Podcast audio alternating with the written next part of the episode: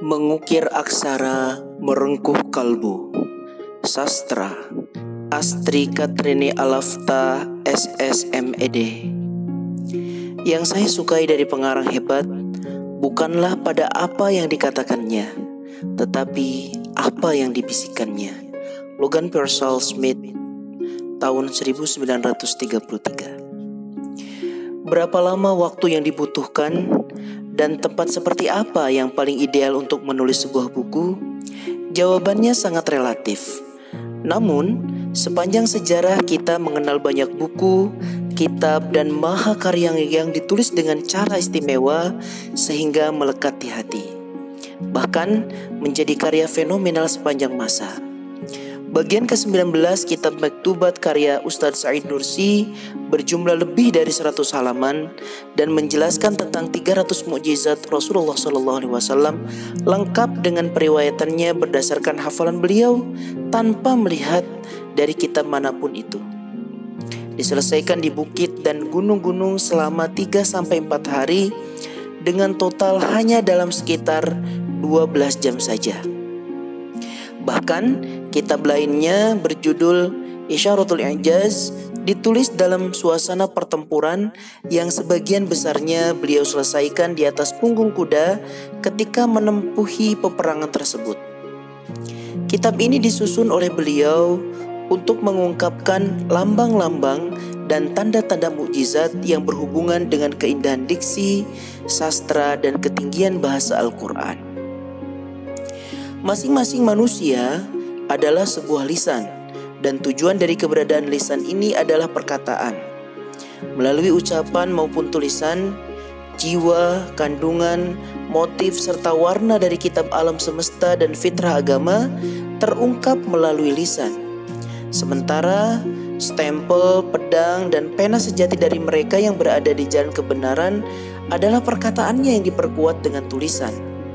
Maka, Menulis kemudian menjadi sebuah sumpah yang difirmankan Allah pada salah satu suratnya. Nun, demi pena dan apa yang mereka tuliskan, Quran Surah Al-Qalam surat ke-68 ayat 1. Sumpah yang dalam bahasa Arab disebut kosam adalah salah satu gaya bahasa untuk menegaskan, meyakinkan yang disertai bukti-bukti kuat dan secara telak membuat orang yang tak percaya untuk mengakui kebenaran yang diingkarinya. Dalam hal ini, menguatkan pada kita pemaknaan bahwa begitu pentingnya pena dan terutama apa yang dituliskan dengan pena itu.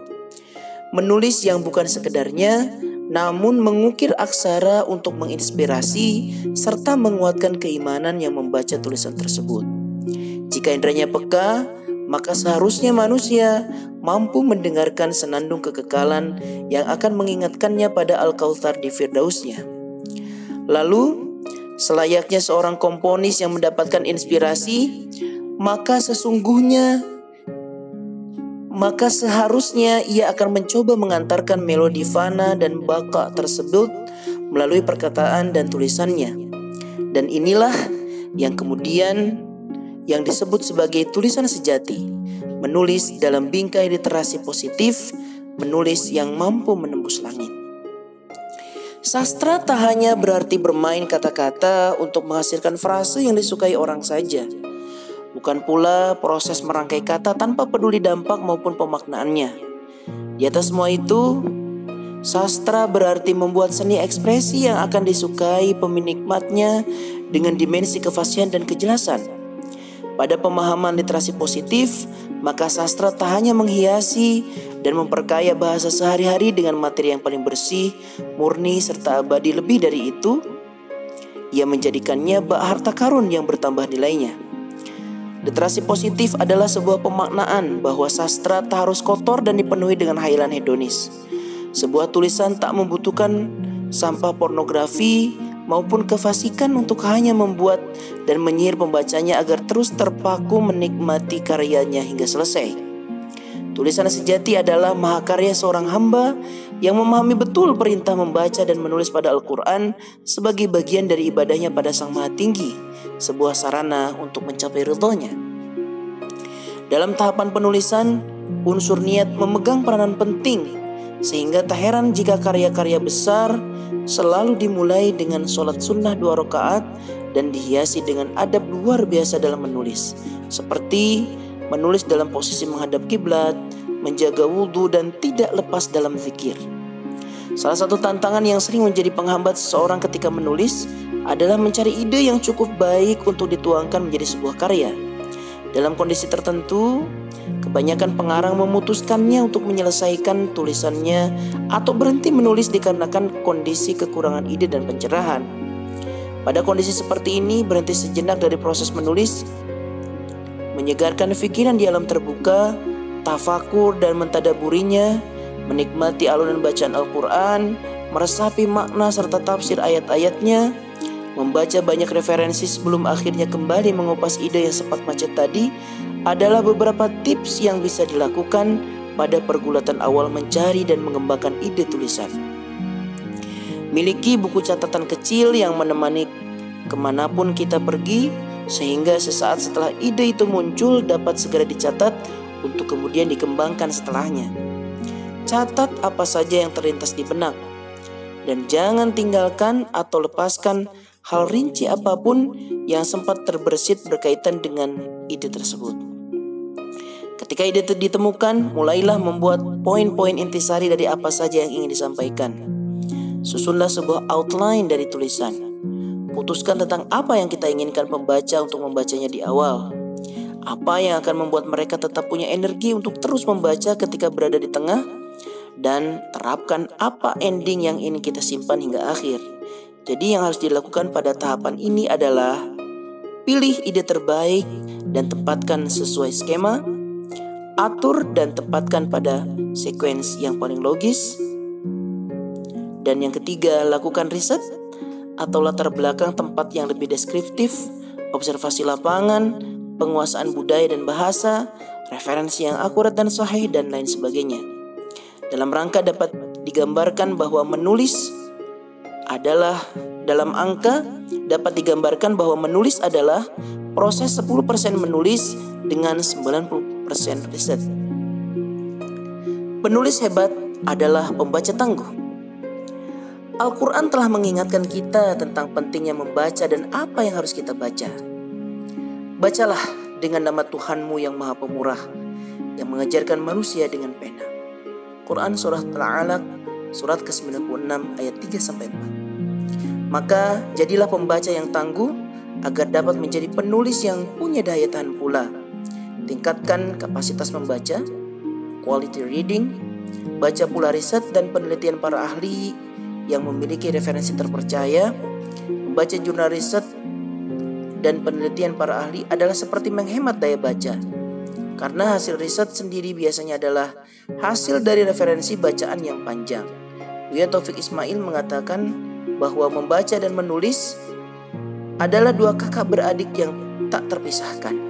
Maka tak bisa dipungkiri bahwa tulisan bermutu hanya ada dari wawasan, pengalaman, dan membaca berkualitas. Kita kenal bahwa Imam Malik menyusun kitab Al-Muwatta yang terhimpun sebanyak 100 ribu hadis. Catatan perilaku orang Madinah, fatwa para sahabat dan tabi'in yang disusun mengikuti sistematika penulisan fikih. Buku yang disusun selama 40 tahun dan ditunjukkan pada 70 ahli fikih Madinah ini sungguh merupakan buku yang paling komprehensif di bidang hadis dan fikih. Sistematis dan ditulis dengan cara dan riset yang sangat mendalam pada masa itu. Sementara Imam Hambali atau Imam, Imam Ahmad menyusun Al-Musnad yang berisi sekitar 30 ribu hadis serta beragam pandangan dan opini selektif dari para sahabat Rasulullah SAW mengenai berbagai aspek Islam itu dalam jangka waktu sekitar 60 tahun dan hal ini sudah dimulai sejak tahun 180 Hijriah atau saat beliau berusia sekitar 16 tahun. Menulis dengan kepedihan hati. Pada tahun 1375 Masehi, Ibnu Khaldun yang merasa lelah akan dunia politik di negaranya mengasingkan diri selama 4 tahun ke benteng Salama dekat Konstantin. Dari tempat inilah dengan perasaan pedih dan prihatin pada nasib negaranya, beliau berhasil menulis sebuah kajian terhebat dalam sejarah dunia. Magnum opusnya yang berjudul Muqaddimah, pengantar sejarah. Begitu besarnya pengaruh Ibnu Khaldun melalui tulisannya ini sehingga beliau tak hanya dikenal di kalangan muslim namun tokoh-tokoh barat seperti Ronald Reagan sekalipun pernah mengutip pemikiran-pemikiran beliau. Sejarawan terkenal Arnold Tony B pernah mengatakan bahwa Muqaddimah adalah buku sejarah terhebat. Sementara Mark Zuckerberg juga mereferensikan buku ini sebagai salah satu buku penting dari 23 judul buku yang harus kita baca. Kepedihan hati yang dimaksudkan di sini bukan bermuara dari kesedihan untuk diri dan pribadi saja, melainkan kepedihan atas kepentingan yang lebih besar, yakni selamatnya umat dari kebodohan dan kekufuran. Maka landasan dari perasaan ini akan menggiring seseorang melakukan amar ma'ruf nahi munkar melalui literasi positif yang ditulisnya. Menulis adalah menyampaikan sebuah pesan yang dapat merubah dunia, bahkan hanya dari sebuah ide sederhana. Tulisan akan hidup jika dihiasi dengan kekuatan jiwa dan adanya idealisme yang diperjuangkan. Sementara tulisan akan menjadi hampa jika hanya berlatar belakang ambisi pribadi ekonomi, ataupun ketenaran belaka. Sudut pandang berbeda dan motivasi kuat. Penulis yang baik akan berpikir dan menulis dengan sudut pandang spesial atas segala sesuatu. Berbeda dari orang kebanyakan, kosakata yang kaya, pernyataan yang harmonis dan gaya yang menarik sehingga mampu mengaktifkan kata-kata. Sambil bergerak menuju tujuannya, para penulis menempatkan semua kata atau kalimat seperti nada-nada yang akan mampu mengantarkan harmoni indah pada sebuah simfoni. Penulis menyiapkan amunisi kejutan pada tiap bagian tulisan dan tahu kapan akan dikeluarkan untuk mempertahankan emosi pembaca. Motivasi yang kuat dibutuhkan untuk menulis. Ulama besar Al-Kasani menulis kitab syarah dari kitab gurunya Syekh Ahmad As-Samarqandi yang berjudul At-Tuhfah Al-Fuqaha sebagai mahar beliau sebelum menikahi putri gurunya, Fatimah As-Samarqandi. Lamaran ini diterima, padahal sebelumnya sang syekh menolak lamaran para sultan dan pembesar pada masa itu. Awalnya Buya Hamka hanya menyelesaikan tafsir dua juz Al-Azhar selama bertahun-tahun ketika beliau ditangkap dan ditahan selama dua tahun empat bulan tanpa peradilan pada masa Orde Lama. Beliau justru dapat menyelesaikan 28 juz tafsir Al-Azhar bahkan dalam kondisi sakit parah yang menyebabkan beliau harus dipindahkan ke rumah sakit Rawamangun dari tahanan sebelumnya di Sukabumi. Tentang hal ini Buya Hamka berkata, mengarang tafsir di pagi hari, membaca buku-buku di petang hari, tilawah Al-Quran di antara maghrib dan isya, tahajud dan munajat lepas tengah malam. Maka menulis dan menulis terus mungkin akan motivasi akan memotiv adalah motivasi terkuat bagi Jean Dominique uh, Bauby seorang editor di Prancis yang suatu ketika menderita paralisis atau kelumpuhan total pada seluruh tubuhnya kecuali pada mata kiri yang hanya mampu dikedipkan. Bauby menulis dengan bantuan seorang sekretaris yang akan menyebut alfabet satu persatu dan menuliskan huruf yang dipilih Bauby melalui kedipan mata kirinya. Buku berjudul Le Scaphandre et Le Papillon ini terbit beberapa hari sebelum ia wafat dan menjadi bestseller di seluruh Eropa hanya dalam waktu beberapa hari saja.